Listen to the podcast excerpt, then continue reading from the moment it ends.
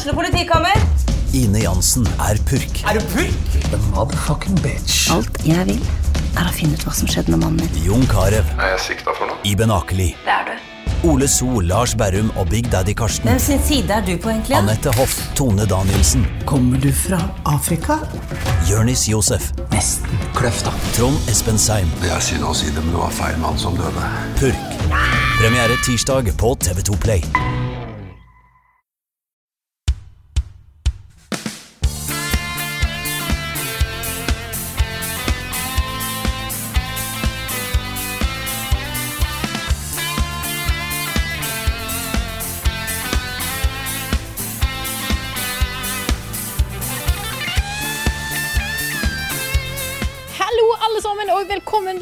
Tilbake til en vanlig episode av podkasten Level Backup. Med meg, Frida Damo, og med meg har jeg selvfølgelig de sommerbrune Rune Fjell Olsen, Karl Martin Hogsnes og Niklas Ja. Halvorsen. er så tan.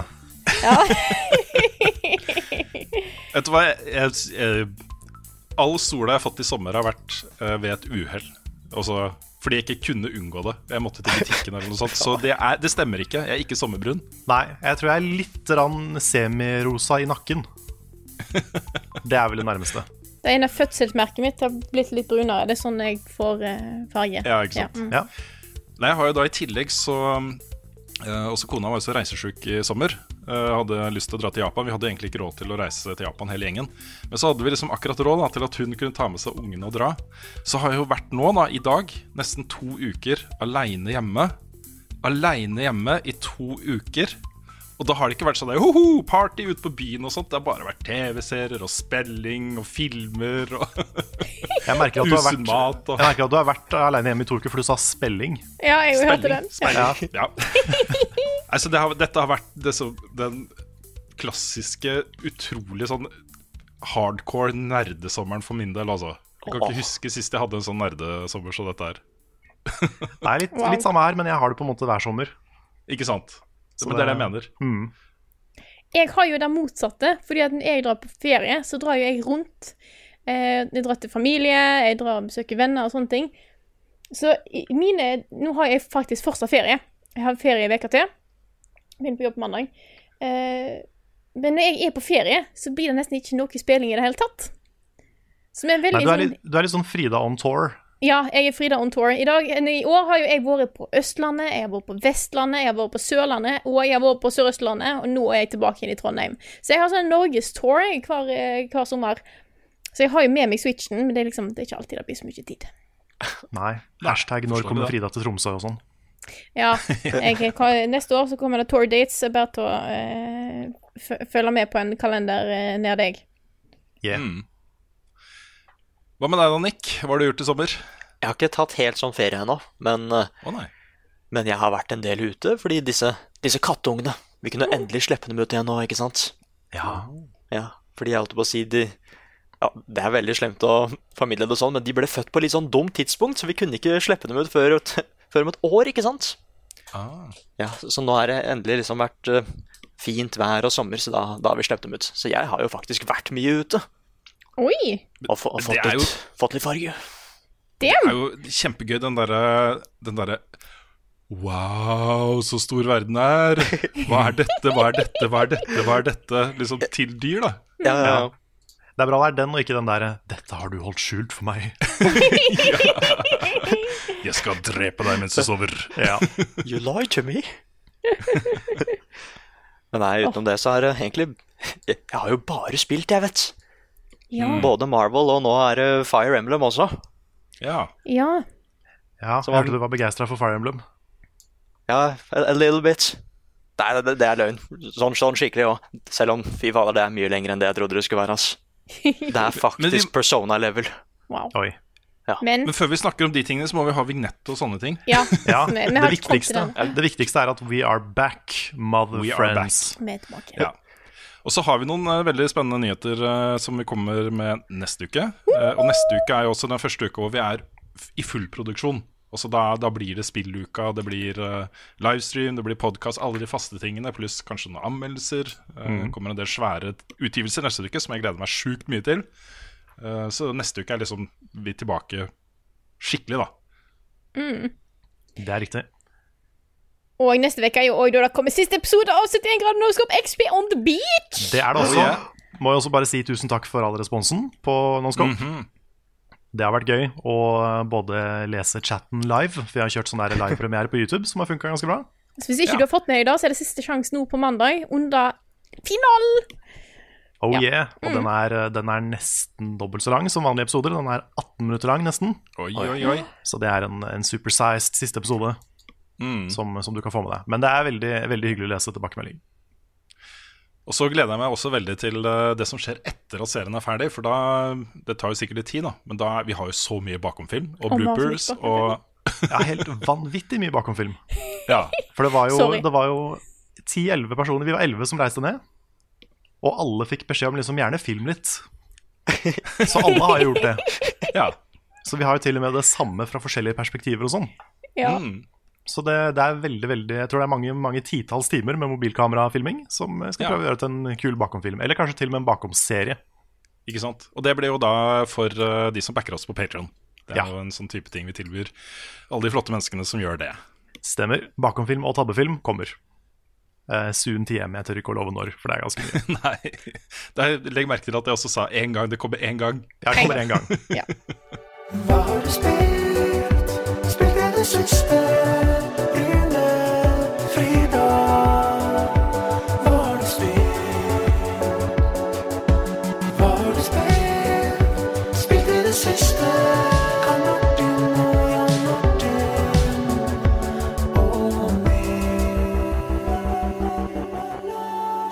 Vi har fått inn masse spørsmål om hva våre sommerspill og sånt har vært. Og da tar vi jo selvfølgelig nå, sånn at jeg det, Ja. Så. Kollektivt til alle dere som har spurt om hva vi har spilt i, spilt i sommer, og sommerspill og sånne ting. Det kommer nå. Vær så god, Rune. Ja. ja, jeg begynner. Ja. Um, jeg har lyst til å først nevne, fordi dette altså, Det er litt interessant, det. Hva er det man har lyst til å bruke tiden sin på når man har fullstendig fri? Sånn, øh, når, nå har jeg jo hatt det. Jeg kan gjøre akkurat hva jeg vil 24 timer i døgnet i to uker. Eh, også før det så har det vært litt sånn mye fritid.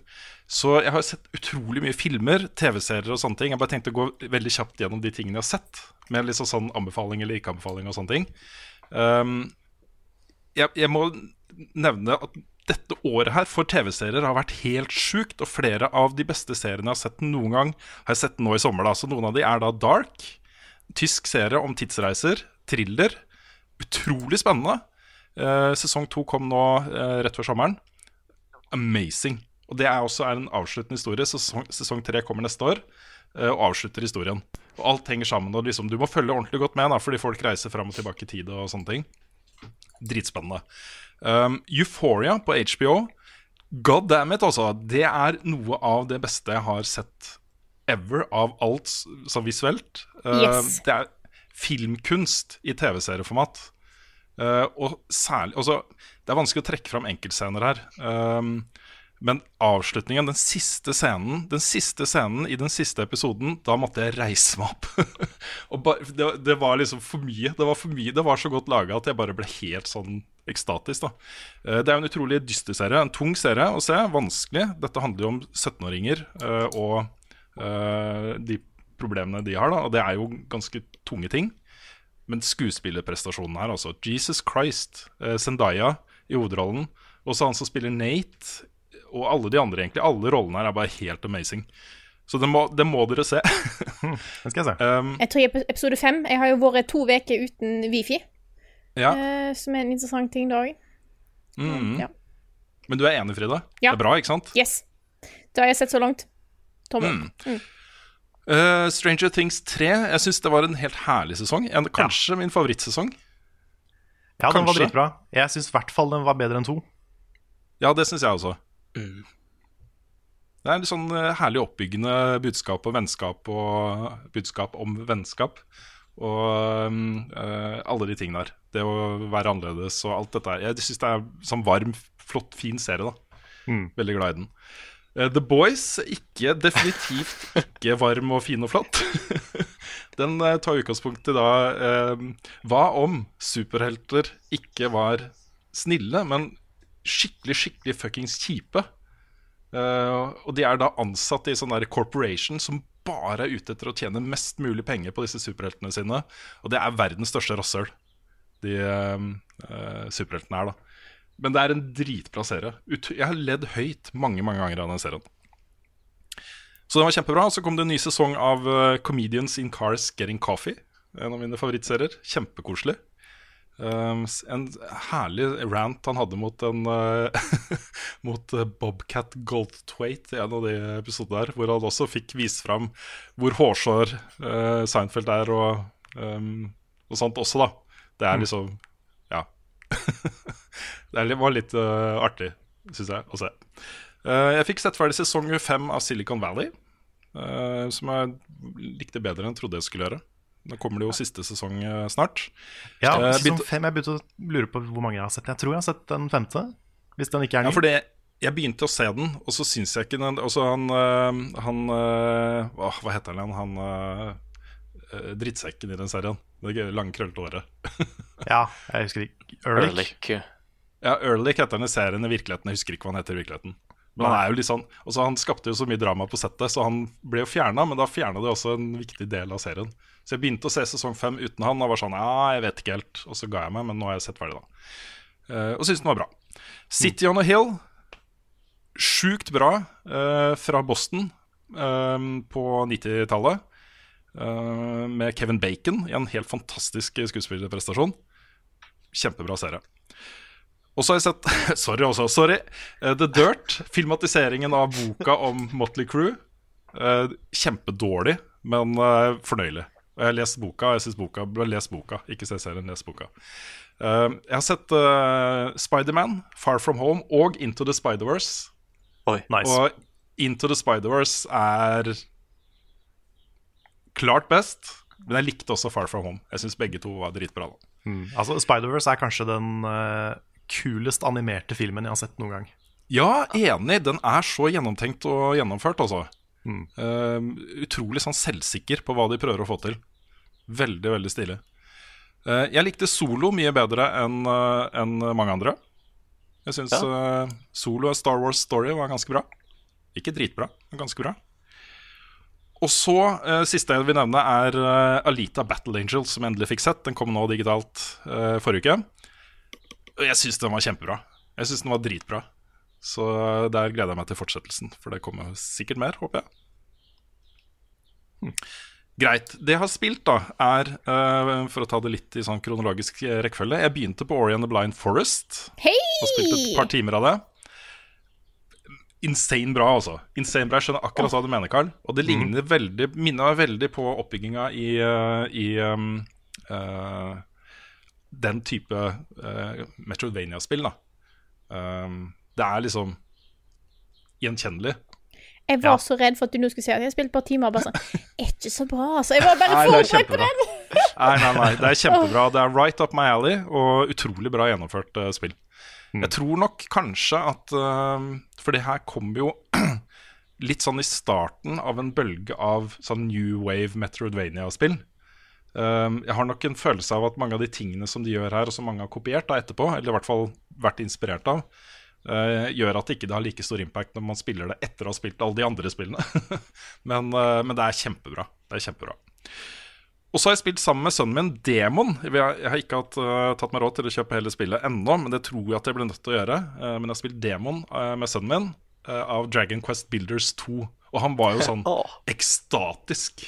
Altså Det var så derre mind blown. Det var Minecraft, men så mye mer. så han var jo Nice. helt sånn Det, det der vil han så gjerne spille. Og det har mast hver dag om ikke jeg kan kjøpe, kjøpe fullversjonen. Så jeg skal prøve å få gjort det. Ja, jeg har skjønt ja, at det spillet er helt awesome. Mm. Og så er det mye sånn her eh, veldig rar, morsom humor i det. I hvert fall ifølge Mm. de folka jeg følger på Twitter. De har Ja. posta sånne her bilder av liksom, ja, så har jeg bygd en by, og så har liksom alle landsbyboerne har gått inn for å se på han første fyren som setter seg for å bæsje. og, så, og så gjør han det, og så får de får de applaus etterpå. Det er veldig morsomt. Ja, det er herlig. Det er jo sånn, Den demoen var jo ganske omfattende. Du kommer jo til en øy, eh, og du har litt quests og sånne ting, men i det øyeblikket du kommer til den øya, så kan du ikke lagre progressen din. Så da må du liksom Det er sånn sandbox, bare gjøre nye ting hele tiden hver gang du logger deg inn. da Så på et eller annet tidspunkt så må man jo bare kjøpe fullversjonen og komme seg av det nøye og ut i verden og gjøre alle de morsomme tingene som man kan gjøre der. Men det jeg har brukt mest tid på i sommer, er dessverre Destiny 2 Det har kommet eh, altså Hvert år, hver sommer, så har det sånn derre Moments of Triumph, Solstice of Heroes-event. I år også med en sånn tribute hall, da, hvor du skal gjøre masse greier for å plassere sånne statuer i en, din egen hall. Sånn minneshall over alt du har opplevd i Destiny 2 de siste to årene. ikke sant? Og det er eh, Det har vært kjempegøy. det har vært kjempegøy De introduserte jo tre, eh, ny- tre nye armor sets, ett til hver klasse. Som er det eneste armor settet du kan ta med deg videre når eh, Shadowkeep kommer senere i høst. For da kommer jo liksom eh, Armor 2.0. eh, Helt ny måte å se på armor på i spillet. Eh, dette settet her kan du liksom konvertere da til eh, det nye systemet. Men det er det eneste. Alt annet kan du bare kaste. Så jeg har kost meg veldig med å få da fullt sett til alle, og det tok jækla mye tid, men uh, var veldig koselig. Så ja. Takk for meg.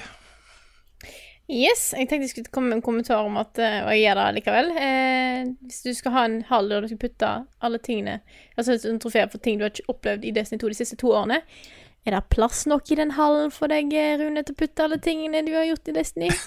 Den må være svær, altså. Ja, det var sånn. Ja, Nei, det, er jo, det er jo en sånn der side med triumphs ikke sant, som du skal fylle ut. Du må gjøre liksom forskjellige ting for å få det, f.eks. fullføre et raid eh, sånn og sånn, gjøre sånn og sånn, gjøre sånn og sånn. Og da får du en ting, da.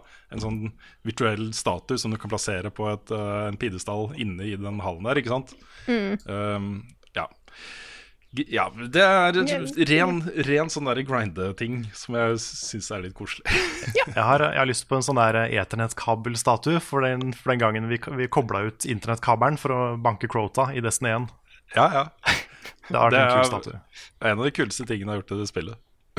Ja, Kan jeg fortsette? kjør på. Fordi jeg har hatt tid til å spille litt i sommer. Og det starta med Rett etter vi var ferdig med å spille inn vår topp ti-liste, så skulle jeg spille inn litt eh, gameplay eh, til den lista, blant annet. Og så innser jeg en ting. Det er en ting jeg ikke har gjort. Det er en ting jeg mangler i eh, nesten spillivet mitt. Det har jeg gjort. Jeg har tatt alle de grønne stjernene i Super Mario Galaxy 2! Oi, Nice, oi, oi, oi, oi. nice. Inkludert den aller siste. Nei, fordi at her, her er det tingen, da. Jeg begynte på dette her før jeg tok ferie. For jeg begynte på dette her eh, Når jeg hoppa og spilte litt eh, gameplay til eh, videoen, så innså jeg at jeg, jeg, For jeg nevnte det i podkasten, at jeg på et tidspunkt eh, møtte på ei sånn grønn stjerne som var noe dritt. Og så hadde jeg på en måte Så ga jeg meg. Og da Det, det er literally det jeg har gjort. For jeg så nå at jeg har tatt alle de andre stjernene, alle de andre tingene jeg skal ta. Og så har jeg begynt på de grønne stjernene, gått veldig sånn metodisk til verks. Møtt på en jeg ikke likte, og ga meg. Så det, det var liksom bare ikke noe at jeg hadde tenkt jeg tar den senere. Jeg hadde bare stoppa fullstendig. Så jeg bare fortsetter derfra. Eh, fikk tatt halvparten av de grønne stjernene før jeg dro på ferie.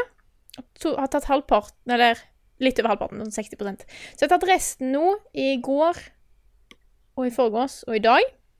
Nei, i går. Så unlocka jeg siste banen i går. Fullførte den i går. Innser at jeg måtte ha ni, så jæklig mange starbits for å unlocke siste delen av siste level. Så jeg har grinda starbits i to timer i dag.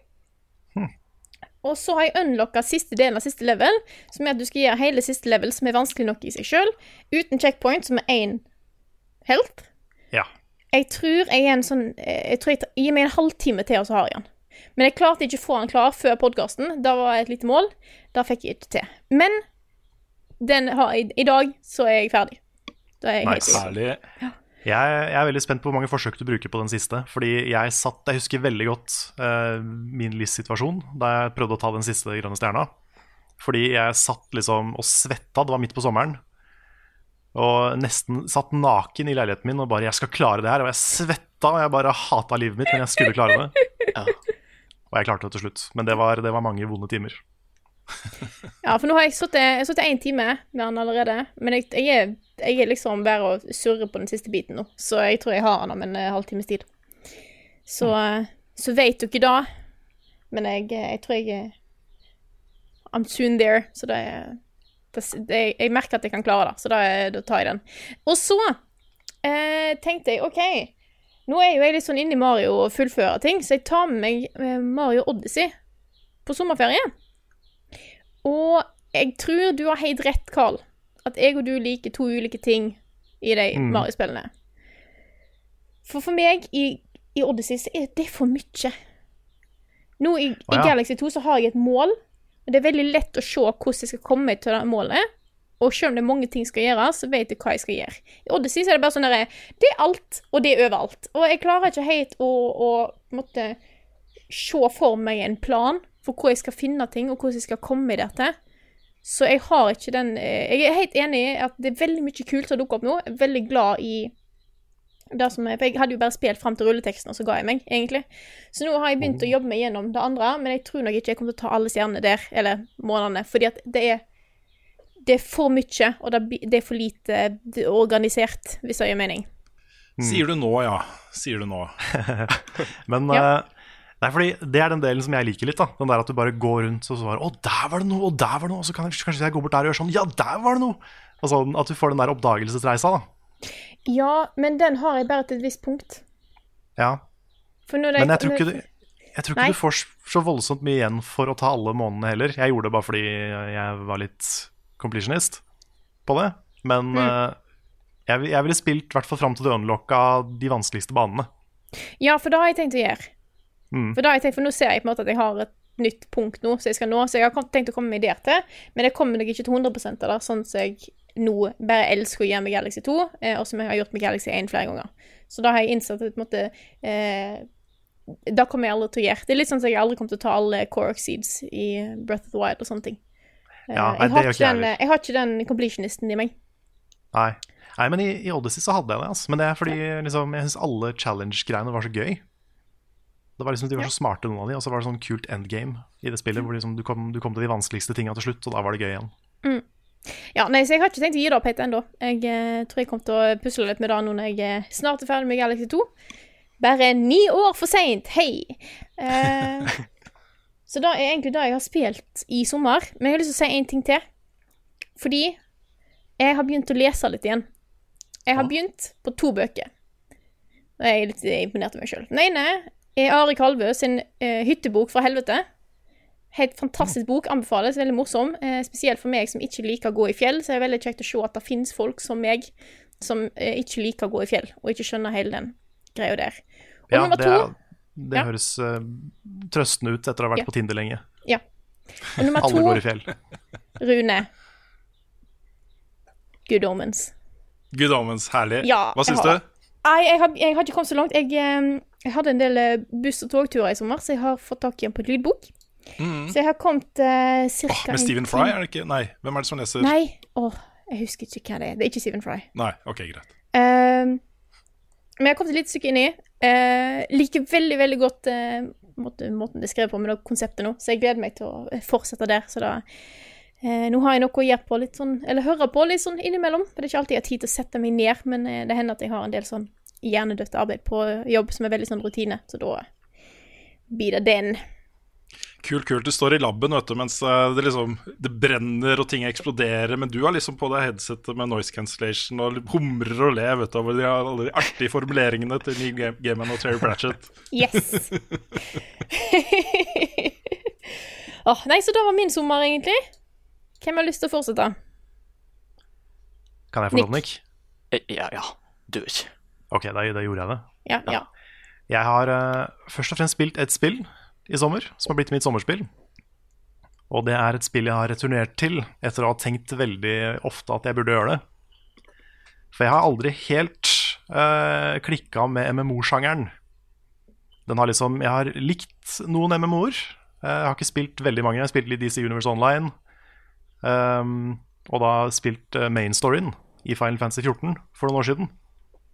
Men jeg har liksom tenkt at eh, ok, det har kommet masse expansions til det spillet. Kanskje jeg skulle gå tilbake til det en dag, sette hva de handla om. Og nå som er eh, Nå som det har vært sommer, så har jeg endelig hatt tid og lyst til å gå tilbake til Final Fantasy 14. Jeg har spilt to og en halv expansion. Det vil si jeg har spilt hele Heaven's Ward, som var den første som kom. Jeg har spilt hele Stormblood, pluss da de patchene som, led, som har masse content, som leder inn i neste expansion. Så det er ganske mange timer med, med innhold, det her. Eh, og jeg har begynt da på den nyeste, Shadowbringers.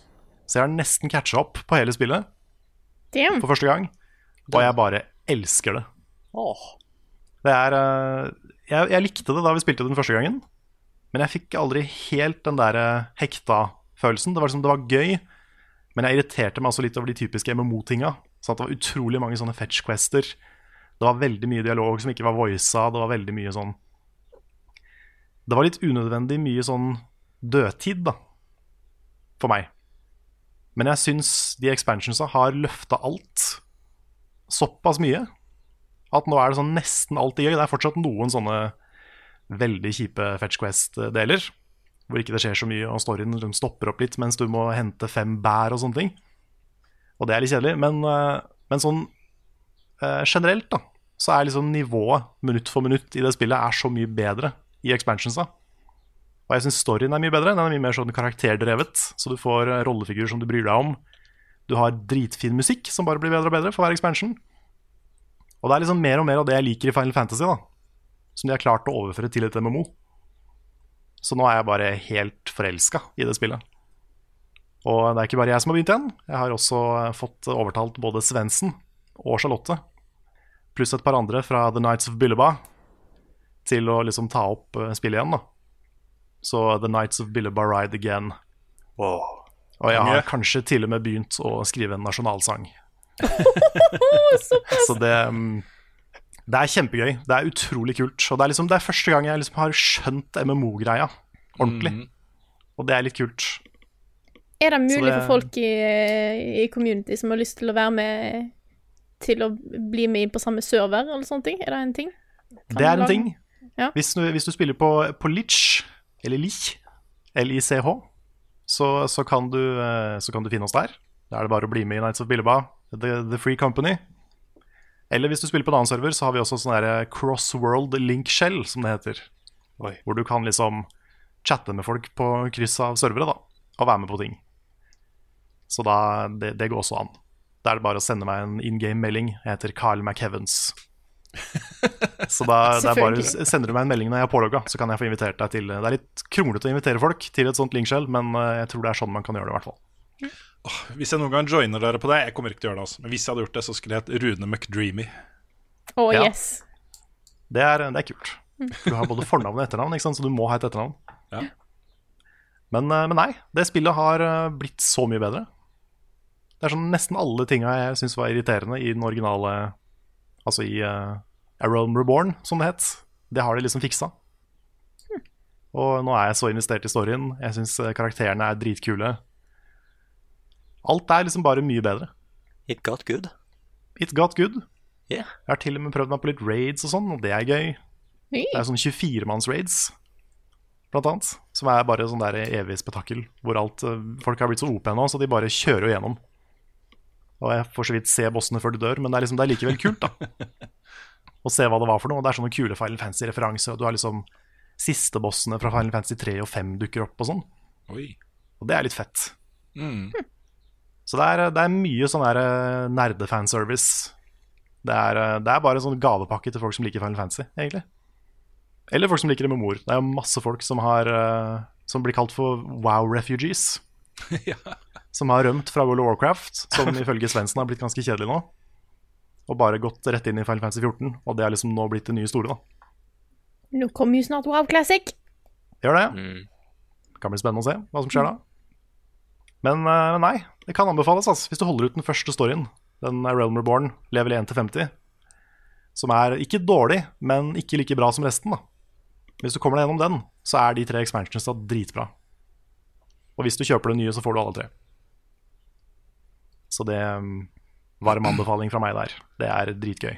Vanligvis i MMO-er så eh, tilbyr de jo en sånn booster-ting til nye spillere. Hvor du kan liksom hoppe rett inn i nye expansion og sånt. De gjør det. Eh, den er litt dyr. Oh, ja. Så jeg, er sånn, jeg, ikke, jeg vet ikke helt om jeg har lyst til å anbefale det å liksom bruke penger Altså kjøpe, kjøpe det å ikke spille et spill, Mm. på en måte. Men eh, hvis du har dårlig tid, så er jo det en option. Mm. Men samtidig så er sånn det, det spillet her er veldig storyfokusert. Så du mister jo en veldig svær del av historien. Da. Ja. Og eh, det er jo mye mer storyfokusert enn de fleste MMO-er, tror jeg. Uten å ha spilt veldig mange. Så det er sånn Det er veldig mye cutscenes, eh, veldig mye law, veldig mye historie som fortelles hele tida. Så det er jo et singleplayerspill inni et MMO, på en måte. Så det er jo en eh, ting som også er verdt å tenke på. Mm. Men jeg kan jo nevne én ting til som jeg har gjort. Jeg har spilt flere spill, men jeg kan nevne et uh, ikke-digitalt spill som jeg har spilt for første gang. Ja, Dungeons and Dragons.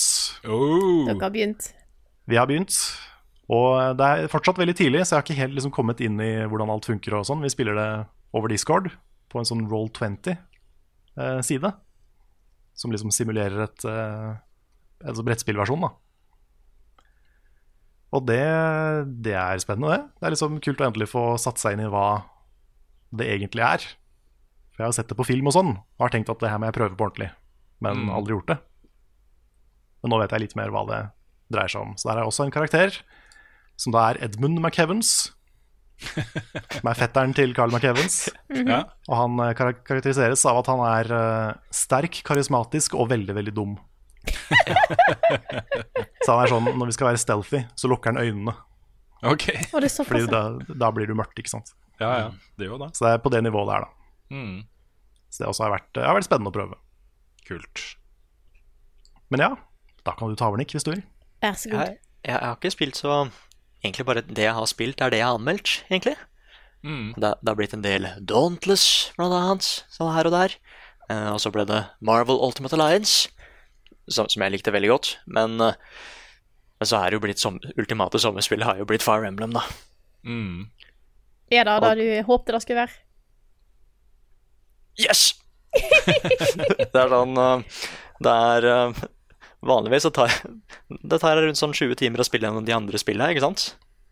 Men nå har jeg vært her i snart sånn 100 timer. Wow. Jeg trodde ikke det, men jeg kunne se sånne der in game stats. Bare ah, shit. 96, ja. Uff da. Og det er, eh, det er fordi det heter jo Three Houses, for det er tre historier, ikke sant? Og jeg har fullført én, men jeg må liksom Trenger ikke å fullføre én enda en helt, liksom. Men jeg vil, jeg vil se forskjellene. Altså Mm. Fordi noe av historien er veldig likt, men bare det at du tar del i de og de ulike klassene, forandrer på den. Og jeg vil Ja, se fordi liksom du, du spiller læreren til tre forskjellige klasser, Ja, og du den kan du bare velger, velge for, så får du de elevene, ikke sant? Ja. Ja. Så det er, det er som Pokémon, ikke sant? At du skal velge riktig starter. Mm. Ja, så kan man tenke liksom at det, hvis, hvis det liksom skulle bli en konflikt, fordi det handler om at det er dette stedet i en setting hvor det ikke har vært noe krig. Liksom, folk har liksom glemt litt hva krig er. Det er liksom fred, og du går da på en skole hvor de fremtidige herskerne i de ulike landa går på ja, akademi og sånn sammen. Og da skal du velge hvem av de du har lyst til å hjelpe, da. Til å bli the best ruler. Så, og det er veldig sånn Det minner meg veldig om Harry Potter, egentlig. Det, det skjer sånne events rundt omkring, og du har en sånn timeplan du må følge, og en kalender og sånn, da. Men det er jo noe som ikke helt stemmer. Og, og det er liksom det hook, da. Jeg kan ikke si noe mer enn det uten å spoile, men det er noe som ikke helt stemmer med denne skolen. For det er jo tross alt Fire Emblem, det må jo skje noe konflikt, ikke sant? Nei, så da, da spilte jeg gjennom den husker jeg, husker jeg ikke hva den heter, men jeg spilte gjennom den blå skolen først. Og nå har jeg starta på den gule. Og jeg har begynt å skrive manus, og litt sånt, men jeg må bare komme litt gjennom den gule historien først, bare for å være helt sikker på hvor svær kontrast det er på historien. da. Mm. Men fy faen, ass. Det, det er sånn Først så var jeg litt sånn irritert, fordi jeg har fjerna så mange features som jeg likte i de andre spillene. Men så har de erstatta det med noe bedre. Det, det, det spillet har liksom blitt litt voksent. Det har blitt skikkelig dark og tar opp sånne der temaer som jeg ikke trodde at i hvert fall et, en serie som Fire Emblem skulle dyppe tåa nedi, men de, men de gjør det fader meg.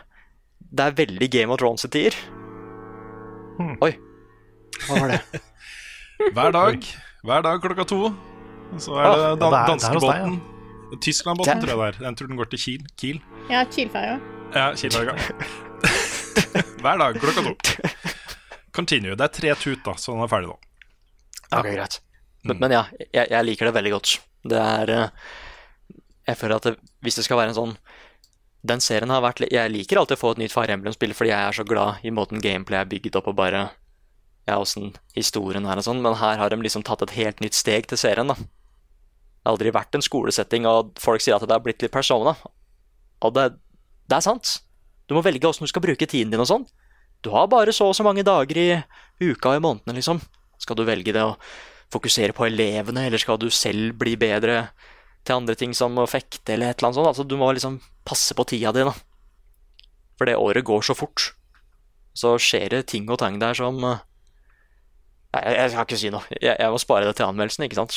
Det, Som jeg håper er ute neste uke. Jeg, jeg tror ikke jeg har så lenge igjen nå. Det er liksom er klar. Så det er egentlig bare det jeg har gjort. er bare å spille Fire Emblem. Og når jeg har vært ute av huset, så har jeg sett på Jeg fikk også sett Spiderman Far From Home. Ja. Og så har jeg sett eh, Jeg har faen meg sett Løvenes konge tre ganger. Oi! Oi, seriøst? En av dem med Carl. En av dem med meg, det stemmer. Mm. Det var veldig hyggelig. Men uh, Hva er det? Nei, jeg veit ikke hva det er. Altså. Det er sånn, jeg, jeg fikk aldri sett den originale Løvenes konge på kino, ikke sant? Og det er, det er noe med bare å se en, en film med et så bra soundtrack, og du har god lyd. Mm. For det, det soundtracket der, altså. Og jeg er bare så glad i Det er så mye visual storytelling, og bare det visuelle generelt. Jeg veit at alt er fake, men det ser så bra ut og ekte, ikke sant? Og så klarer jeg å connecte med disse dyra, fordi jeg har jo dyr sjæl, ikke sant? Og selv om de ikke har liksom sånne Jeg klarer ikke helt å lese ansiktsuttrykket deres, men jeg kan jo tenke hva de føler, ikke sant? Så det er jo noe følelser der. Mm. Nei, jeg er bare så glad i denne historien. Og så er det så gøy, det er så gøy å gå i en kino hvor det er åpenbart barn som ikke har sett den originale Løvenes konge, ikke sant? Og bare høre reaksjonen deres. Ja. Mm. Det, det er også veldig morsomt. Mm. Litt sad, så klart, men også veldig morsomt. Så du var, sitter og eh, ler når eh, det er stampede? Mm. Bare sånn, Åh, det er, er, oi, oi, oi. Nå skal vi traumatisere unga. La oss peke på og le av dem. Men det var, det var én ting da som jeg syns var bedre i den nye. Én okay. uh, ting, og det var babypomba. Ja. Det er, det er kanskje det er den ene tingen som er sånn Ok, der var de bedre.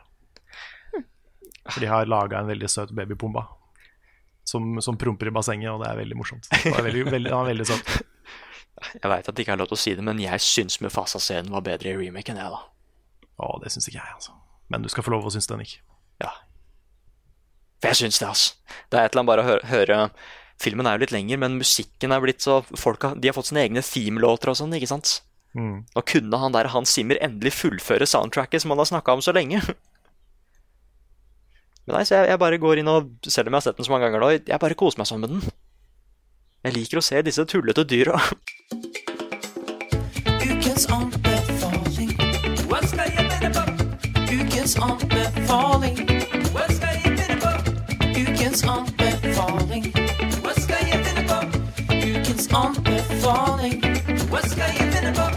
Og høsten slash sensommerens første anbefaling er det Rune som skal komme med. Ja, jeg har tenkt mye fram og tilbake på om eh, dette er Altså, vil jeg, vil jeg introdusere denne liksom litt dystrere tonen i den første podkasten i liksom høstsesongen og sånne ting? Men jeg syns den serien her er uh, såpass viktig å se at uh, jeg føler det er riktig å anbefale den. Um, jeg nevnte jo ikke den i stad, men det er en serie som, eh, som er laget av BBC One. Um, den er vel tilgjengelig på HBO, tror jeg. Eh, Jeg husker ikke om det er HBO eller Netflix. Jeg tror det er HBO. Og den heter Years and Years. Uh, det er en serie som tar utgangspunkt i dagens samfunn. Også Trump er president, du har liksom uh, klimakriser rundt omkring i verden. Eh, Brexit. Og så følger du en familie i de neste tiårene eh, framover i tid. Og ta liksom OK, vi har denne situasjonen her nå. Hva- er et mulig framtidsscenario basert på hva vi vet om verden i dag, da? Og det er så fuckings deprimerende. eh, så eh, tungt, så skremmende, egentlig. Og eh, så troverdig. Fordi eh, de tar den liksom ikke helt ut. Det er ikke sånn type eh, istiden kommer, og alle må flytte liksom flytte på seg, eller uh, alt blir ødelagt uh, og sånt. Men det er på en måte de små endringene i hverdagene som er likevel store. da.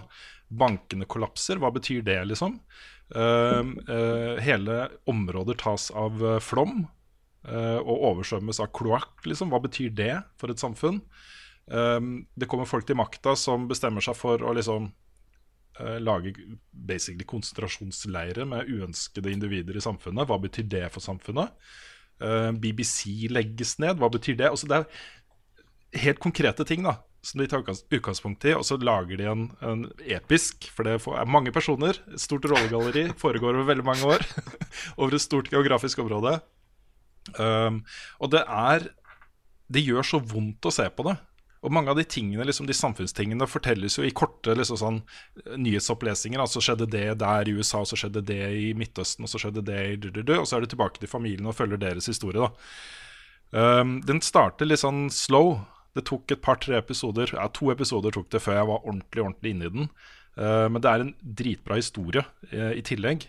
Uh, en, du blir veldig, veldig, veldig glad i den familien her. Um, og de spiller så bra, den gjengen. Uh, men det er et, et varsko, liksom. Det er et advarselsskudd for uh, hva vi kan ha i vente, da. Og jeg sitter liksom med en sånn derre eksistensiell angst nå som jeg føler må være der, da. Vi må være bekymra for hvor dette her går, føler jeg. Det er ting som skjer nå som hvis ikke det strammes inn og, og gås mange skritt tilbake, liksom, så vi er fucked, liksom. Det Potensielt, da. Og Varmerekorder er ikke en bra ting. Nei, juli var, er den varmeste måneden noensinne. Things were okay a few years ago, before 2008. Do you remember back then we used to think politics was boring? Those were the days. But now, I worry about everything. I don't know what to worry about first. Never mind the government. It's the sodding banks. They terrify me. And it's not even them. It's the companies, the brands, the corporations. They treat us like algorithms while they go around poisoning the air and the temperature and the rain. And don't even start me on ISIS. Oh, now we've got America. Never thought I'd be scared of America in a million years, but we've got fake news and false facts. And I don't even know what's true anymore. What sort of world are we in? Because if it's this bad now, what's it going to be like for you? Huh? 30 years' time? 10 years? Five years? What's it going to be like? Kan jeg ta en superkjapp anbefaling? Kom jeg på nå? Det kan du. Ja. For jeg har lest noe annet i sommer. Jeg har nemlig begynt på noe som er det, eh, han hjemme har eh, mast meg en god stund nå. Men nå har jeg begynt å lese. Jeg har kommet til del fire av mangaen til Jojo's Bizarre Adventure. Som er en, Dette er en episk, i den rette forstand, eh, fortelling. Han blir, eh, altså, denne, altså, historien har jo blitt skrevet i altså, de, Han har pågått i flere tiår nå, men den første biten er satt på slutten av 1800-tallet, og så er det en bit som er andre, rett før andre verdenskrig, og så er det en på 90-tallet, og så er det 2000-tallet og sånne ting. Det er flere generasjoner med folk. Eh, og serien er dritbra. Hvis du ikke er helt på mangalesingsbiten, helt greit, se eh, animeen. Den er helt amazing. Eh, men hvis du er ute etter noe å lese på av comics, så anbefaler jeg den. Den er, det er en episk klassiker eh, som jeg nå koser meg gjennom. Det og Hvis du er glad i internett-memes, så er det så mange memes derfra du skulle bare, du skulle bare visst Memes er tatt fra Jojo's Bizarre Adventure. Så kjapp anbefaling der, altså. Jeg har skjønt at det er litt sånn som Doctor Who. At liksom, Når du ser Doctor Who, så skjønner du halve internett. Ja. Og det er kanskje litt sånn. Ja. Ja. Så, så vet dere da. Dere som er på internett og glad i memes, som ikke har sett Jojo's Bizarre Adventure, så vet dere ikke hva dere går, glipp av. Dere vet ikke the origins of the memes. Så mm. Så vet dere da. Så det var en eh, kjapp, kjapp liten anbefaling for meg, eh, det.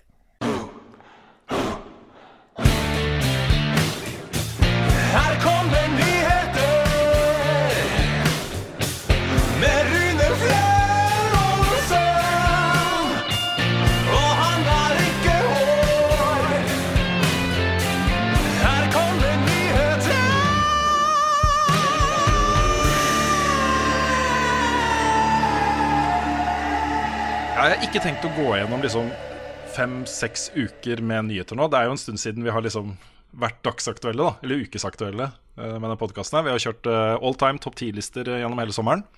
Eh, Så det blir liksom de ferskeste nyhetene. Og da må jeg begynne med å gratulere vår ferske verdensmester i Fortnite, Emil Bergquist, også kjent som eh, Nyrox.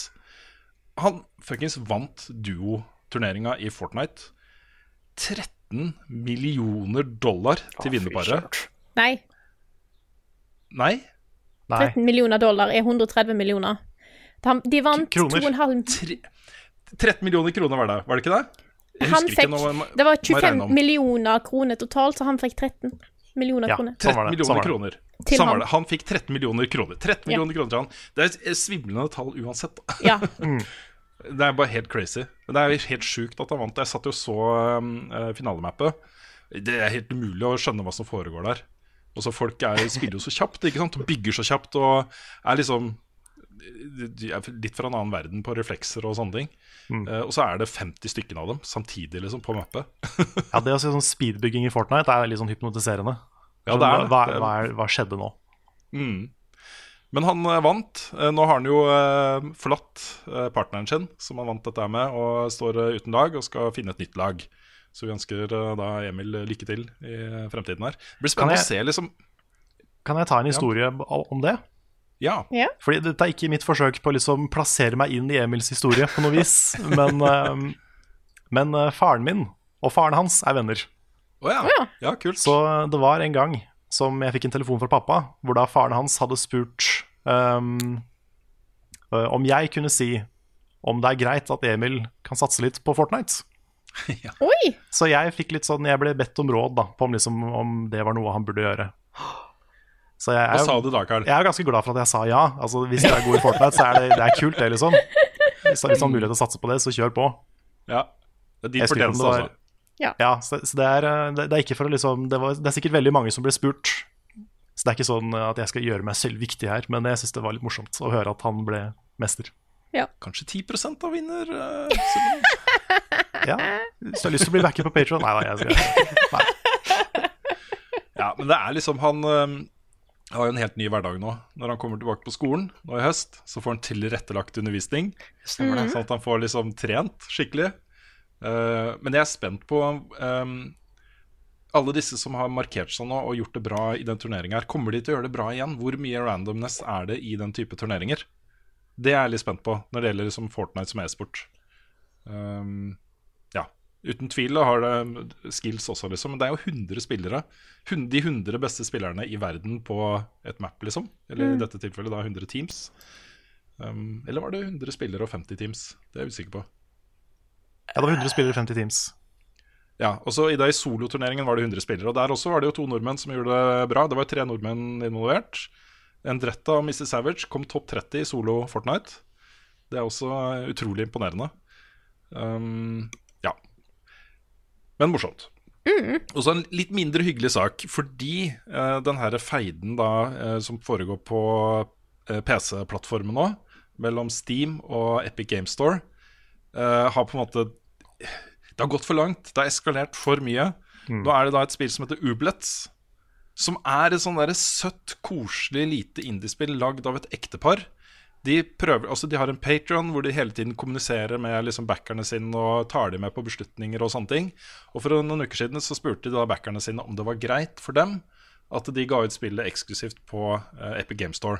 Fordi de hadde fått da et tilbud fra Epic som eh, garanterte de at det gikk break-even. Og Det er den type deals Epic Game Store tilbyr disse små indieutviklerne. Vi garanterer deg at du går break-even på spillet ditt, og så kan du jo tjene penger da hvis du selger bra. liksom. Men den sikkerheten da for et lite team som det er, er jo helt insane. Altså, Hvor skal du ellers få den? Du får jo ikke den ellers. Jeg skjønner godt det at folk takker ja til dette der. Men det som skjer da, er at da renner det inn tusenvis av folk som aldri har hørt om Ublets engang. Ah. De har bare blitt hissa opp på Reddit og 4chan og sånne ting om den der eksklusivitetsavtalen. Og det klimaet der også, også de meldingene som er blitt sendt til dette ekteparet, eh, med liksom rase-slurs fordi de er jøder, uh, osv. Drapstrusler Det er helt crazy altså, hvordan det der har tatt av. Dette er bare folk som Jeg vet ikke, de hisser seg opp på en måte. Altså, det bygger opp en sånn derre feilretta hat mot et eller annet. Hvorfor? Hvorfor tar de så av på dette her? Også, det er jo fullt lov å kritisere eh, businesspraksiser og sånne ting, men hvorfor eskaleres det til det punktet? Jeg skjønner ikke det, altså. Det er så unødvendig. Det skaper ingenting annet enn et utrolig dårlig klima for diskusjon og for alt mulig rart på nett. Det Det er helt, eh, det er helt krise hvordan det er nå. Uh, jeg er veldig stor fan av en uh, YouTuber som heter Gus Johnson. Han har en del uh, sketsjevideoer på YouTube, og han hadde en video som kom nå for tre dager siden, som, handler, eh, som heter How Reddit Handles Internet Justice, som handler om akkurat dette her. Og det er på en måte en parodi på hvordan Reddit og internett oppfører seg i dag det kommer fram noe som kanskje kan være på en måte eh, negativt på en måte, og alle bare sånn går rett på. Jeg tror ene linja hans i den sketsjen er eh, 'Whose career are we ending today?' Fordi at folk blir så ekstremt sint, og handler Mm. så ekstremt ja, hva, hva er urasjonelt. Folk er nødt til å roe seg ned, ass. Mm. Det er ikke verre at hvis du er uenig i praksisen her, så bare ikke bruk Epic Game Store. Ja. Og snakk Ferdig, ferdig snakka, liksom. Og send en e-post til Epic Game Store og si at hei, eh, jeg syns at måten du, eh, dere gjør dette her på, er litt eh, dumt. Og ha en forklaring på hvorfor, så kan de se at å ja, kanskje folk heller vil at vi skal gjøre på dette her, den måten her. Være konstruktive og til de rette folka. Vær så snill. Ja, det er liksom- Nei, det er, Jeg, jeg har, det, det er ikke noe konstruktivt der i det hele tatt. nei, det er ikke det. Det er sånn, Vi har snakka om eh, Epic Game Store-kontroversene og sånn før. Eh, jeg forstår fortsatt ikke helt problemet, skal jeg være ærlig. Det er sånn, Jeg skjønner at den nettbutikken ikke er like bra som Steam. Jeg skjønner at uh, noen har problemer med det, men det har gått så ekstremt langt. Og nå skal jeg være litt fordomsfull, men jeg mistenker at for noen så handler det her bare om at det er Fortnite-plattformen, og det liker de ikke. Jeg tror for, for noen så, er- så ligger det der. Mm. Og det er sånn her irrasjonelt hat, og så går det med strupen på alle som bruker den storefronten. Og liksom en lit, et lite ektepar som lager et koselig Altså, det er sånn Å angripe dem av alle. Mm. Det er ikke de som er de fæle i spillmiljøet. Nei, så de, har, de lager bare et spill, og de prøver å få det til å gå rundt. Liksom. Det er som om sånn Kritikken her går jo på at de har Blant annet da Så går kritikken på at de har ført Patron-backerne sine bak lyset. At de har lurt de som backer de på Patron og støtter det spillet her, ved å gi det ut eksklusivt på, uh, på Epic Game Store. Men det er jo som alle andre som opererer på Patrion, inkludert oss selv, når det er store beslutninger som tas, så tar man jo gjerne med backerne i den beslutningen. Og de fikk jo grønt lys, liksom. Backerne deres var enig i at dette var en utrolig flott måte å eh, sikre inntekter på for dette selskapet her. Og det er jo sånn som f.eks. den beskjeden de ga da, til backerne sine på Patreon, var jo at uh, hvis dere nå føler at uh, de inntektene vi får fra Epic-avtalen gjør at ikke dere har lyst til å backe oss på Patreon mer, så er det helt i orden. Bare, bare sett ned beløpet, eller slutt å backe oss. Um, dette er liksom Sånn, sånn er bare den økonomiske situasjonen nå. Forhold deg til det, liksom. Alle var med på det. Det var, det var også kanskje noen få da som eh, hadde håpa de skulle spille på Steam. Men det var i hvert fall ingen som kritiserte det eller, eh, eller følte seg ført bak lyset uh, på dette her. Ah. Greit. Det er sikkert ikke siste gang vi har sett uh, den type reaksjoner. Uh, det kommer jo flere spill i høst også som er eksklusive på Epic Game Store. Og det er, ja, men det hadde vært kult hvis vi Folk kunne bare roe seg ned litt altså. Ja, det eh, er sånn Må gjerne mene at Epic Game Store ødelegger gaming, men uh, hate mobs ødelegger gaming veldig mye mer. Ja, det gjør det. Ok, Noen kjappe nyhetssaker før vi skal eh, se litt framover eh, på eh, høstspillene. Um, no Man's Sky Beyond har fått dato. Det er 14. august allerede neste uke. Eller allerede, det skulle jo komme i sommer, men datoen er da 14. august. Uh, jeg ser det har vært noen sånn preview-events nå, hvor folk har testa VR, og sier det er magisk å spille det spillet i VR. Så um, det har jeg lyst til å teste. Uh, Pokémon Go har runda 1 milliard nedlastinger.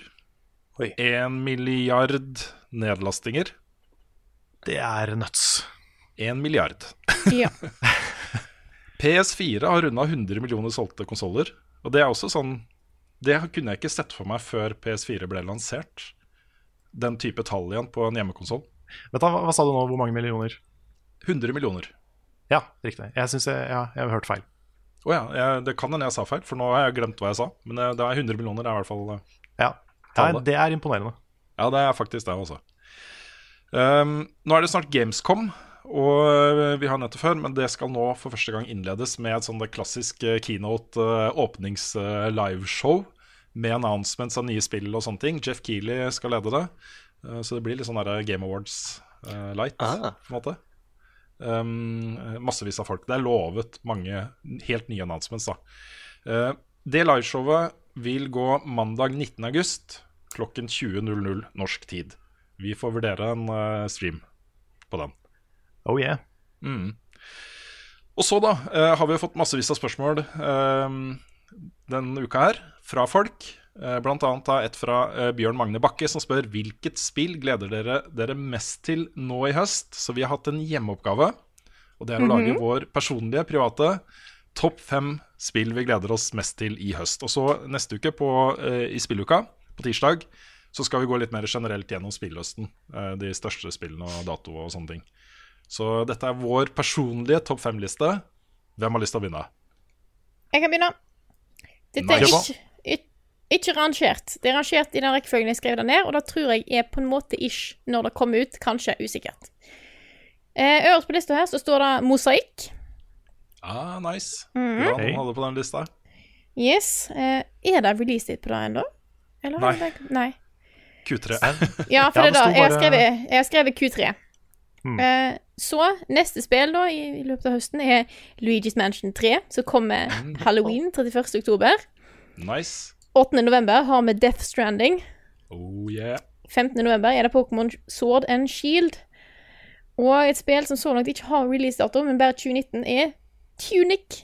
Det er veldig søte Det er ikke Ja. ja. Nice. spillet. Cool. Yes, Da er min fem, topp fem. Mm, Ok, skal jeg ta min? Ja. det kan dere. Ok, da har jeg Jeg kan jo nevne de jeg har uh, samme som Frida først. For jeg har også Pokémon Sword and Shield uh, på lista. Jeg har også Death Stranding på lista. Men så, de tre siste, er uh, aller først Telling Lies. Som Ja. er da den spirituelle oppfølgeren til Her Story. Mm. Det gleder jeg meg veldig til. For det, det fins ikke noen spill som er sånn som Her Story, så nå skal det endelig finnes et spill som er sånn, og det blir bra. Kult. Det er jeg dritspent på. Og så, kanskje sjokkerende for noen som vet hvor eh, lite jeg har til overs for skrekkspill, eller det, det vil si hvor pyse jeg er når det kommer til skrekkspill. Jeg har Man of Medan på lista. Nice. Og det er fordi Until Dawn var et herlig cheesy og morsomt og bra spill. Og det er jo de samme folka som har laga det. Mm. Uh, og dette er jo da det neste spillet fra dem. Var du med da vi testa det spillet? For Jeg husker at jeg gjorde det, men jeg husker ikke om du gjorde det. var med da. Nei, jeg har ikke testa det. Nei, fordi det var, eh, de var en tur innom Oslo med liksom en del spill som er på vei. Da testa jeg den første episoden her. Ja, Det er kjempekult. Det er, eh, det er Du spiller en en cheesy skrekkfilm, liksom. Mm. Med masse tropes og sånt, men det er kjempegøy, da. Ja, for det er den, det er den cheesen som redder det for meg. Mm. Det gjør at det, liksom, det er ikke så skummelt, det er mest morsomt. Ja. Og da digger jeg det. Mm. Dette er jo en serie. Dette blir jo en serie. Dette er den første av jeg tror det er tre eller fire kapitler totalt. Som er Ja, på en måte separate historier. Dette foregår på en, eh, sånn, et stort sånn eh, skip.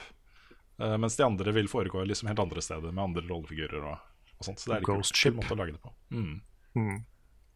Og så, eh, det femte spillet. Kanskje en, et litt sånn wildcard, men jeg har satt opp The Surge 2. Oi. Og det er, altså, jeg har sagt det før, men The Surge var det beste fem av ti-spillet jeg har anmeldt. ja. Det var, det var liksom nesten bra. ja. Så jeg håper jo nå at The Surge 2 blir bra. For de var veldig veldig inne på noe der. Jeg er veldig gira på The Surge 2. Uh, ja. Ja, for det er jo en, eh, en veldig tydelig Souls-kopi. Alle Mm. spilla til, til det teamet. De lagde jo også eh, Lords of the Fallen. Og de har, liksom, de har prøvd å være Dark Souls. De har til en viss grad fått det til, men ikke helt. Mm. Så jeg venter jo bare på det spillet der hvor de virkelig får det til. Ja. Og kanskje The Surge 2 blir det spillet. Mm.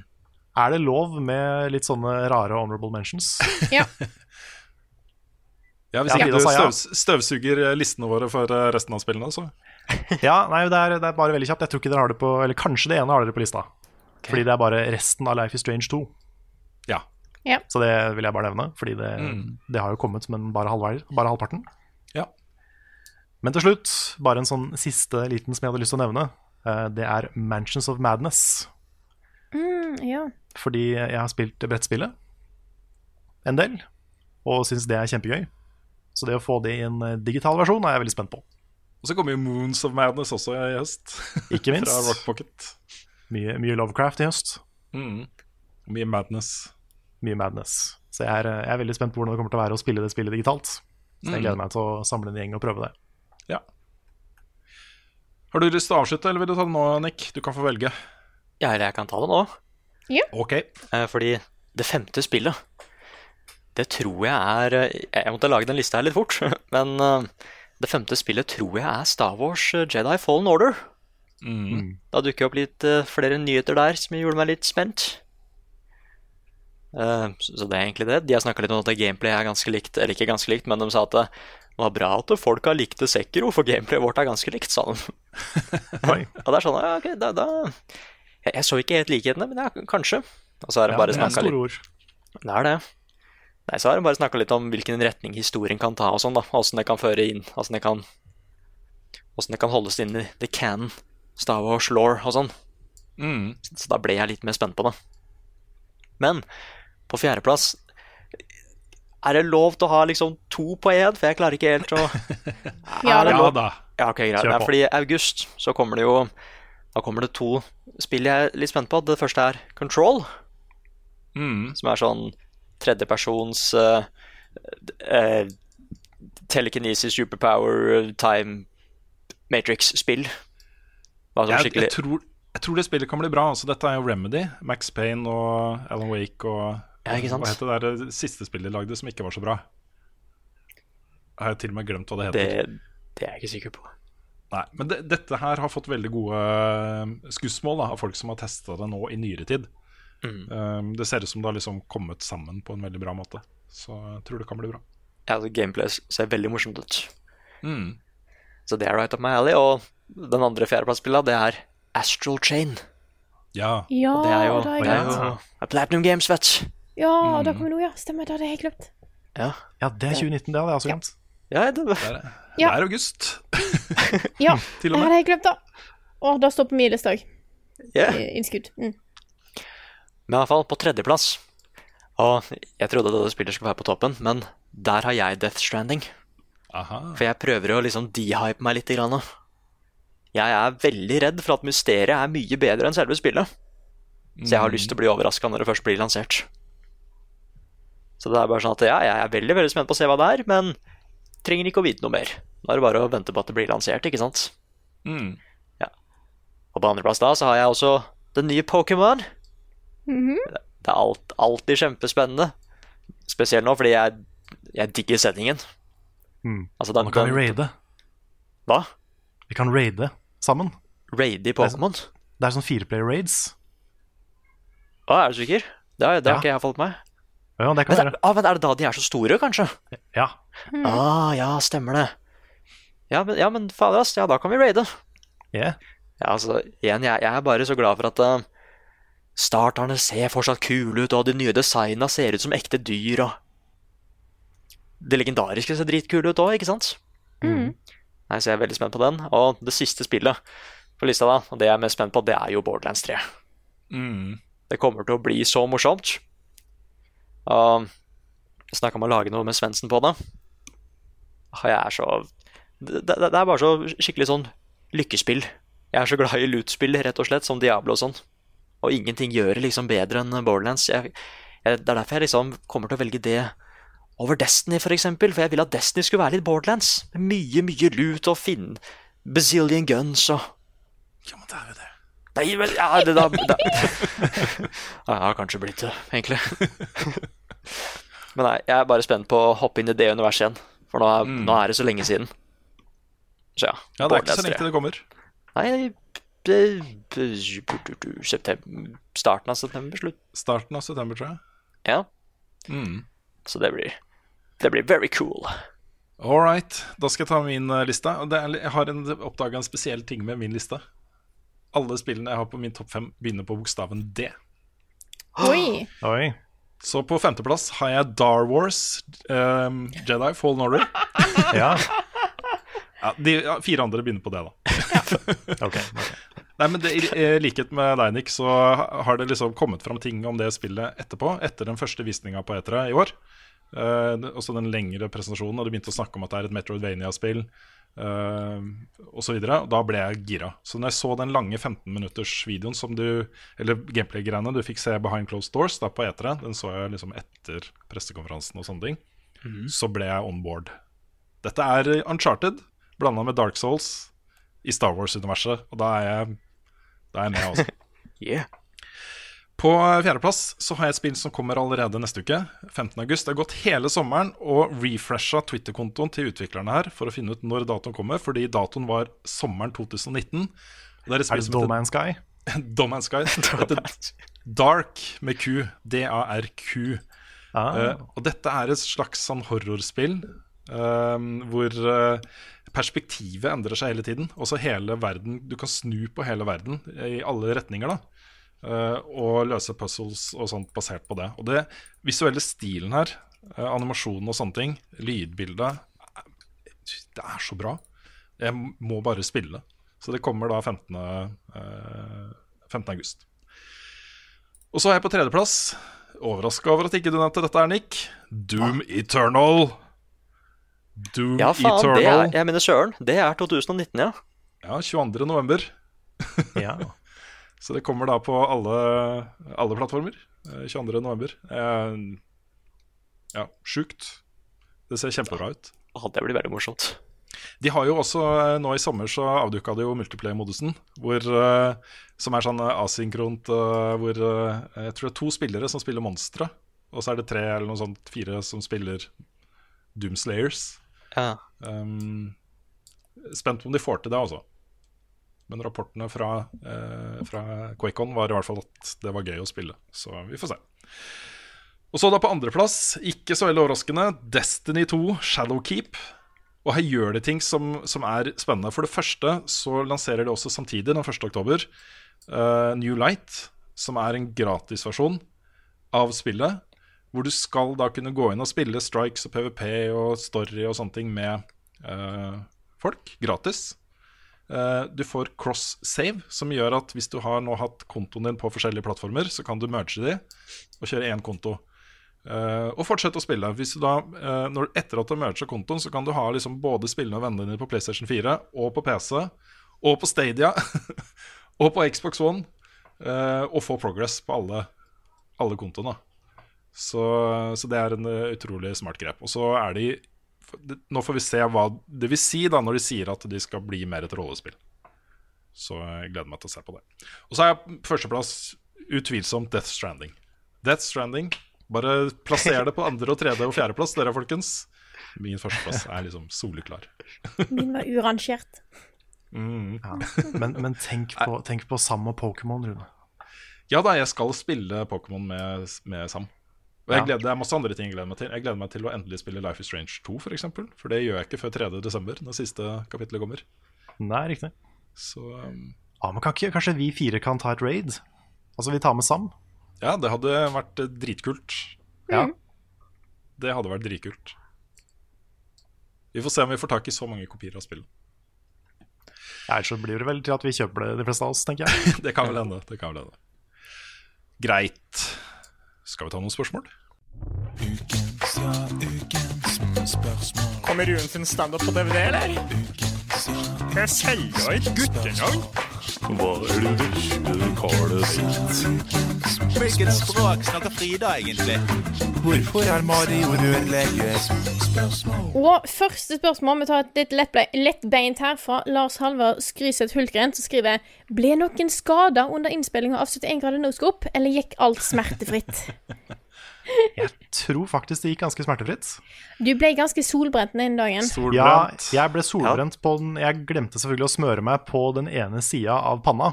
Å nei. Mm. Jeg vet ikke hvordan jeg klarte det, men der kan du se gjennom hele serien at jeg er litt rød på den ene sida. Ikke litt rød, du er veldig rød. Veldig rød på den ene sida. Ja, det er en skade. Det er det. Men utenom det, så det var en kveld som vi, fordi Bjørn skulle, han måtte reise tidlig hjem for å komme tilbake på jobb og sånn. Så vi måtte jo eh, filme alle nattescenene på én dag. Og da ble klokka halv fire. Jeg vet ikke om det Ja. teller som en skade, men det er, eh, det er vel det mest dramatiske, tror jeg. Den ene dagen som ble veldig lang. Og så filma vi mye ute i sola en dag. Nå fikk jeg veldig vondt i hodet, som jeg gjør hvis jeg er mye ute i sola. Mm. Eller, Det gikk ganske rolig for seg, altså. Mm. Ja, det gjorde, det gjorde det. Jo, Det var- skade. Eh, fikk ikke Føsund skikkelig vondt i beina eller ryggen eller hva det var etter alle disse kamera... Det var ikke det første sesong? Jo. Eller skjedde det i Spania? Jeg trodde han hadde litt vondt i beina nå. Grunn av, eh, Ja, stemmer men, det. Vi kunne jo gå til Det var jo fantastisk. Jeg var jo eh, massør på på stedet som jeg fikk fiksa opp i ting. Men jeg tror faktisk Føsund fikk litt vondt i beina. Hmm. Eller så var han bare lei. Han måtte jo stå litt eh, Ja, han måtte stå mye. Ja. Han hadde jo fun fact, han hadde, han hadde sånn kamerastativ som han putta ned i buksa. For å, for å få liksom eh, et, et bilde som ikke vagga for mye. Buksestativ. Buksestativ. Mens den eneste skaden jeg fikk, var allergi, egentlig. Ja. Ja, du reagerte noe utrolig på den ene orangutangen. Ja. For det, Det høres så, så sært ut. for det fant Ja, jeg at det- det, er jeg det plutselig, det ble jeg plutselig skikkelig allergisk mot. Ja, det var, vi var i Dyreparken siste dagen. Og vi gikk liksom Jeg merka det, jeg òg, men Nick, du var jo den som merka det mest. Vi bare gikk og så på dyra, og så gikk vi forbi en sånn, et sånn svært orangutangområde. Og der fikk alle, da, spesielt Nick, sånn skikkelig allergianfall. Veldig rart. Jeg trodde jeg fikk solkrem i øya, men det var sånn Og så er det sånn, det er veldig rar type gras den der. Ble ikke Charlotte allergisk for graset der? Jo, Jo. allergi var det en del av. Ja. Det var det. Men uh, Ellers så forholdsvis gikk det veldig bra. Altså. Ja. Det, var, det som var minst eh, etter planen, var det at vi brukte så mye mer tid på filmen enn vi planla. Mm. Vi hadde jo håpa på tre og en halv dag, og det ble Fem? fem og en halv. Ja. Oi, oi, så seriøst. Men Ja, ja. eh, ellers så Vi kom i mål, ass. Det gikk bra. Ellers gikk det bra. Så har jeg et Nei, vet du hva? Eh, Vi må eh, eh, jeg, gir, jeg gir det videre til dere, så kan dere ta et spørsmål hver. Og så tar vi det, tar vi det der. Mm. Rune, har du et?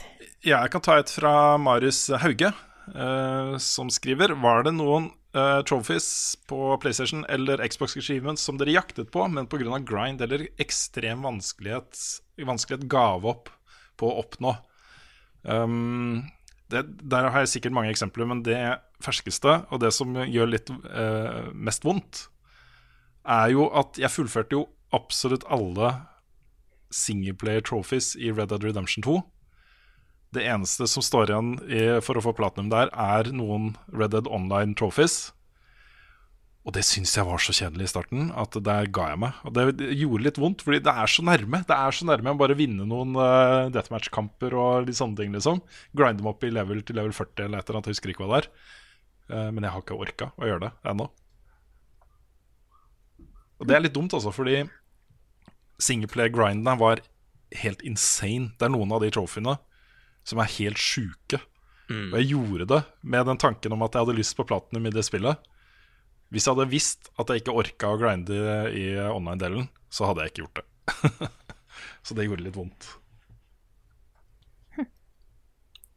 Yes. Carl, har du noen trophies Noen trophies? som du ikke orker å ta? Jeg, eh, hvis det er multiplayer trophies i et singleplayerspill, så er jeg hard out. Ja. For jeg spiller veldig sjelden multiplayeren i et spill som er eh, primært singleplayer. Selv om jeg har hørt mye bra om f.eks. The Last of Us-multiplayeren, så har jeg liksom aldri tatt meg tid til å begynne med det. Eneste unntak er Assassin's Creed. Da spilte jeg en del multiplayer. I Brother, Var det Brotherhood og Revelation som hadde det? Ja. Ja, de spilte jeg. Men eh, nei, altså jeg, ikke, jeg, har- jeg har ikke vært så opptatt av trophies de siste åra. Jeg har liksom satt mitt eget sånn completionist-mål som regel. Ikke brydd meg så mye om hva trophyene sier. Enig. For det er jo, det er jo ofte sånn her eh, Bruk den spellen 100 ganger. Og det er sånn, jeg bruker jo ikke den. Nei, ikke sant. Jeg bruker aldri den, hvorfor skal jeg gidde det? Det, det blir liksom bare tidssløseri for meg, da. Så jeg liksom Jeg kan ta en platinum hvis Hvis platinumen er bygd etter sånn jeg spiller. Sånn som i Souls og Bloodborne og sånn, så er det jo greit. Fordi jeg har jo lyst til å ta alle bossene. Jeg har lyst til å få alle våpna og sånn. Men hvis liksom eh, Bloodborne hadde hatt et, en trophy med bruk Amygdala Arm i ti timer, så hadde jeg sagt nei. så det er sånn Trophies er ikke så viktig for meg, men jeg er completionist på min egen måte, liksom. Mm. Jeg er ikke completionist. Da å få platinum er ikke en ting jeg eh, går etter. Nei, jeg, kommer ikke på noe grinding eh, nå i farta. Sikkert noe Assassin's Creed, hvor du måtte få tak i så og så mange flagg eller fjær eller noe sånt. Ja, de gidder ikke jeg som regel. Var ganske, den var kjip også i, eh, i Assassin's Creed 1. Alle de fjæra du måtte finne. Mm. Men der fikk jeg, jeg fikk 1000 av 1000 i, ja, Tusen på av tusen? der. Ja, altså 1000 av 1000 poeng. Å ja, ikke Å, greit. Jeg tror det bare var 100 fjær, men de var jo så godt gjemt, de Mm. fjæra. Så Nei, jeg er litt sånn Altså, jeg har jo eh, eh, Når det kommer et spill jeg blir fryktelig, fryktelig glad i, så har jeg lyst på det Platinum Trophy. Det er nesten sånn at jeg har lyst til å bare tatovere de Platinum Trophyene jeg har for de spillene. Altså det, det, det blir en viktig del av gameridentiteten min. da At jeg har tatt platinum i det og det spillet. ikke sant? Kan du ikke, kan du ikke gjøre sånn som Killmonger i, uh, i Black Panther? At du har én sånn prikk per platinum. Ja. Ja, det blir ikke så mange prikker. og så tar du av deg skjorta, og så bare wow. Ja. Nei, for jeg er ikke sånn Jeg har ikke lyst på flest mulig platinum. Det er ikke sånn at alle spill jeg spiller, tenker at dette skal jeg i hvert fall ta platinum med, så får jeg ett til, liksom. Det er bare dette spillet her er så bra og så viktig for meg at det har jeg lyst til å ha platinum i.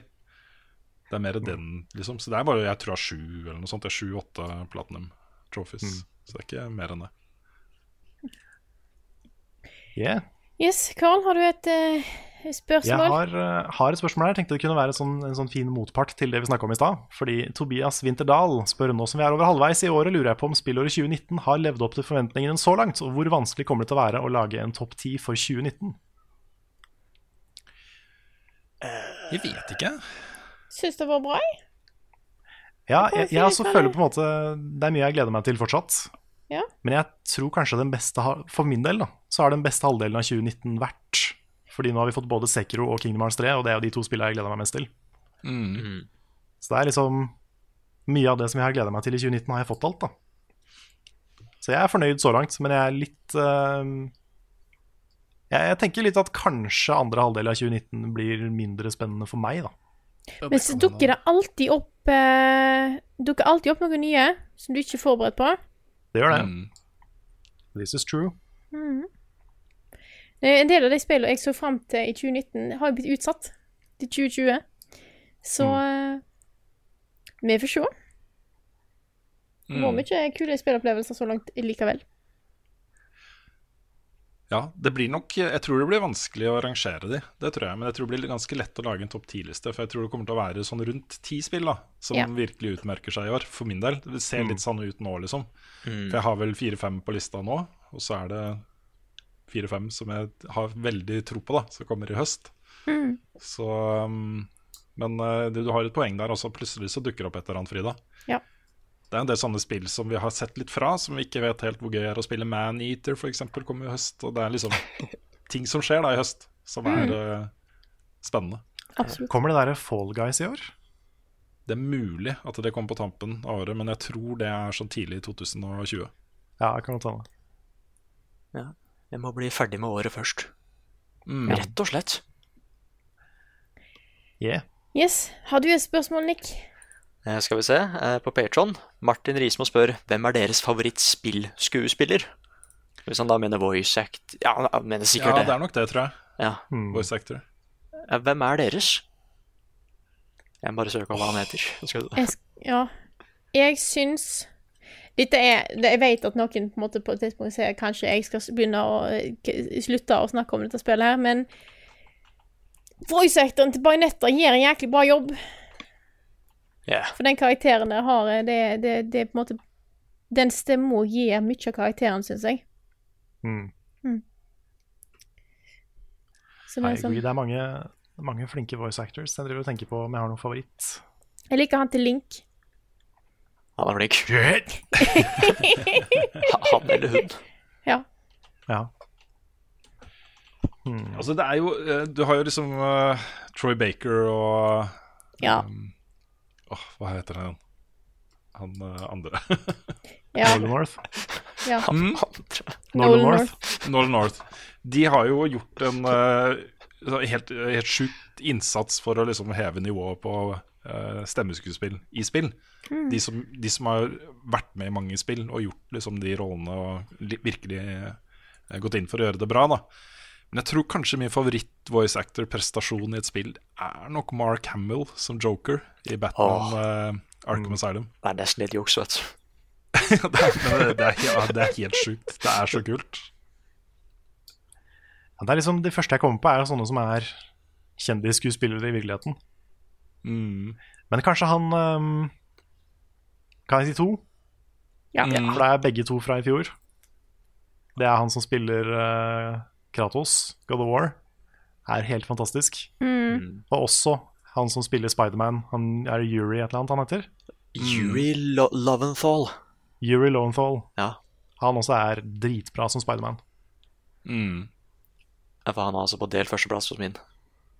Og, men på den andre, det er eh, Det er han første, han, han første som hadde stemmen til Gratos. Terence uh, Cars? Terence Carson. Jeg, sy jeg, jeg syns bare den første stemmen passer litt bedre, altså. Mm. Jeg er så glad i den. Jeg syns jo han eh, gjør en, eh, en god liksom, tolkning av Kratos sånn som han er i spillet. da Jeg syns han passer godt i liksom, nye God of War. Mm. Og som har stemmen der. Og så føler jeg at jeg kan ikke snakke om stemmeskuespiller i spill uten å nevne uh, David Hater. Snake. Ja, ja, det er sant. Det er liksom hvor ikonisk han ble for den serien. Da Det er jo Da han ble replaca med fuckings Keefer Sutherland i, i uh, Metal Gear Solid 5, det var nedtur, altså. Det var Ja, så, ikke så liksom underwhelming av han også. Ja, det var det. Det er godt mulig at liksom den der veldig karikerte, hese, dype stemmen uh, som David Hater hadde gjort til sin Snake, da, ikke hadde passa i den tonen som uh, Kojima ville ha i Metal Gear Solid 5, men allikevel. allikevel. Bare be han om å moderere seg litt. Det hadde vært en bedre løsning. jeg føler.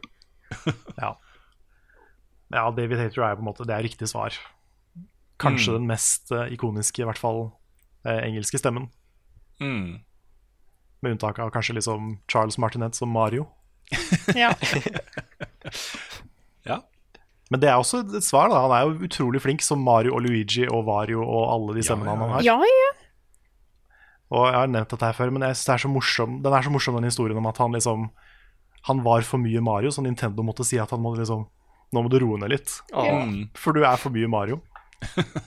ja, det, er så, det er så koselig. Ja. Bare se for meg han går rundt i liksom hverdagen sin og bare ho-ho, here we go, og liksom koser seg, og så kommer Nintendo og sier du, nå må du Ja. Nå må du skjerpe deg, liksom. Så det er utrolig morsomt. Mm.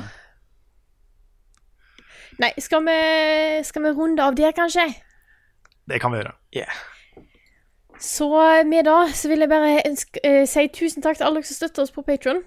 Dere er fantastiske folk som vi ikke kunne klart oss uten. Eh, så hvis du som hører på eh, har lyst til å støtte oss i det vi gjør, så er det bare til å gå inn på patreon.com slash levelupnorge eh, og gi det du ønsker og har lyst til. Og, og vi lover, hvis vi noen gang eh, eh, eh, velger å gi ut innholdet vårt eksklusivt på Epic Games Store, så skal vi spørre dere på Patron først. Yes. Det, det skal vi Mm, gjøre. Før vi gjør det. Før vi gjør det eksklusivt på Vimeo. Ja. På Vimeo, ja. Jeg ser noe, Det er flere av de store Twitch-stjernene som eh, flytter over til Mixer nå. Jeg så det. Det det. Ninja. Mm, Ninja fikk en halv million uh, subscribers på et døgn eller noe sånt på Mixer. Men jeg tror han òg fikk en del penger for å gå over til Mixer. Jo, jo, massevis. Massevis. Fikk nok noe. Så hvis Mixer har lyst til å gi oss penger for å flytte oss over fra Twitch, så er det bare å gi beskjed. Jeg syns det er litt morsomt å se på de andre Twitch-stjernene nå, sånn som Dr. Disrespect f.eks., som går ut og sier at hvis jeg hadde fått den samme dealen som Ninja, så hadde jeg også flytta til Mixer. Sånn, Fisker etter penger fra Microsoft. Ja, Ja. kjempebra. Nei, så tusen Men- takk til dere Hei. Hm? Ja, jeg vil bare si en ting til. Ja. At hvis du, denne podcasten kommer ut på en fredag, så hvis du nå eh, ser to episoder av 71 grader noscope hver dag, så har du catcha opp til siste episode, som oh. kommer på mandag. Oh yeah. Så bli To med episoder live. per dag er ikke så mye når de er sånn 10-12 minutter lange. Så det, er, Det er jo ikke det. Det går fint. har du plass til. Mm. Det er like langt som en episode av Brooklyn 99, liksom. Mm. Så det Ja, vær med på live og se siste episode. Det blir bra. Finale. Det blir gøy. Ja. Det blir kjempegøy. Og med det så ønsker jeg eh, så, eh, Nå er det gått et par måneder siden sist. Hva er det jeg sier nå, da? Jeg, altså, jeg, jeg fikk jo en sånn brain fart på slutten av året, slutten av sesongen sist år. Og med det så sier jeg tusen takk for oss. Takk for at du hørte på denne episoden her av Level Backup, og så snakkes vi igjen neste uke.